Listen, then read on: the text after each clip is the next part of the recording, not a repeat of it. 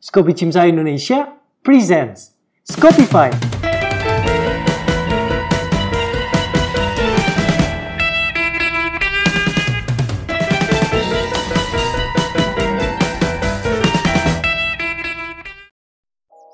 Pandemi COVID-19 yang telah melanda populasi manusia di seluruh dunia menyebabkan peningkatan masuknya pasien ke ICU yang belum pernah terjadi sebelumnya. Selain itu, pandemi juga meningkatkan kekhawatiran etika, tidak hanya seputar siasat dan keputusan penaikan dukungan hidup, tetapi juga mengenai kunjungan keluarga dan kualitas dukungan akhir hidup keberadaan pandemi mengguncang prinsip etika dan mempertajam dilema etika seorang tenaga kesehatan. Perkenalkan nama saya Wilson dan hari ini ditemani oleh rekan saya. Nama saya Ariana. Yang hari ini akan menemani Anda semua, co-people di seluruh Indonesia, berbincang seputar bioetika dalam rangka menyambut World Bioethics Day 2020.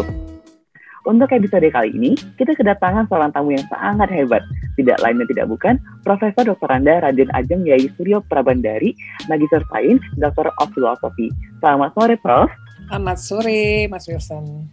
Selamat sore. Ya. Apa tadi? Kopi dok, kopi. Oh ya. Untuk kopi belum tahu, hari ini kita akan membahas nih terkait beberapa kasus-kasus bioetika yang sering banget ditemui oleh tenaga kesehatan pada masa pandemi ini. Nah, mungkin sebelum kita masuk dalam menelaah kasus-kasusnya, mendapat sudut pandang Prof. Yai sebagai profesor yang ahli sekali di bidang bioetik, mungkin eh, Prof. Yai bisa menjelaskan sedikit, Prof, kepada teman-teman kopi nih. Eh, sebenarnya bioetika itu apa sih dan mengapa bioetika itu penting untuk tenaga kesehatan? Jadi etika itu kalau bioetika kan berasal dari kata bioetik ya mau pakai K atau bioetik ya. Ada dua kata di mana etika itu berasal dari kata etikos yang berarti tingkah laku begitu ya. Jadi kalau bioetika adalah tingkah laku uh, yang baik maupun yang keliru gitu ya benar atau salah dalam bertindak. Dan ini uh, kalau bio berarti diterapkan di dalam ilmu-ilmu yang tentang makhluk hidup termasuk di antaranya ilmu manusia. Nah, di sini termasuk kedokteran. Meskipun ada juga uh, bioetik klinis begitu ya, yang khusus memang membahas masalah-masalah di klinis gitu ya. Karena kalau bioetika kita bisa juga bicara masalah biologi, bisa juga masalah yang lain gitu ya. Jadi lingkungan gitu ya. Jadi bioetik klinis begitu. Uh, Oke okay, dok, kalau misalnya kenapa sih dok uh, seorang tenaga kesehatan tuh harus mempelajari dok bioetika? Kenapa sih uh, mereka uh, bioetika harus masuk ke dalam kurikulum kita sebagai calon tenaga kesehatan? Ya, karena satu adalah subjek uh, dokter itu adalah manusia ya, di mana manusia itu mempunyai hak dan bioetika ini memang dikembangkan berdasarkan ada beberapa kejadian-kejadian di masa lalu yang tidak terlalu baik, misalnya karena bioetika itu kemudian juga membahas tidak hanya di praktek klinis medis tetapi juga dalam penelitian. Dan kita sekarang tahu bahwa di rumah sakit juga dilakukan penelitian pada pasien ya, apalagi pada kasus COVID ini kan penyakitnya masih baru sehingga masih dibutuhkan banyak data gitu ya. Nah, untuk penelitian, kajian maupun perlakuan terhadap manusia, eh, kita perlu memproteksi manusianya sendiri supaya perlakuan yang diberikan atau treatment yang diberikan oleh dokter, diberikan oleh profesi kesehatan, penelitian yang dilakukan itu memperhatikan safety pasien. Jadi perlindungan atau proteksi pasien gitu. Jangan sampai dia mendapatkan pengobatan yang tidak berbasis bukti misalnya ya atau pengobatannya itu ya asal-asalan gitu. Karena di dalam mengambil keputusan klinik. Itu memang satu didasarkan oleh pertimbangan medisnya ya. Tapi kemudian perlu pertimbangan etiknya. Terutama kalau dalam pandemi ini kan mungkin ada banyak pasien yang harus dilayani sementara uh, tenaganya sedikit ya. Sehingga mana yang didahulukan mana yang nanti itu selain memang indikasi medisnya juga dalam pertimbangan etik. Dan di dalam pertimbangan etiknya ini ada beberapa model yang bisa diterapkan ya.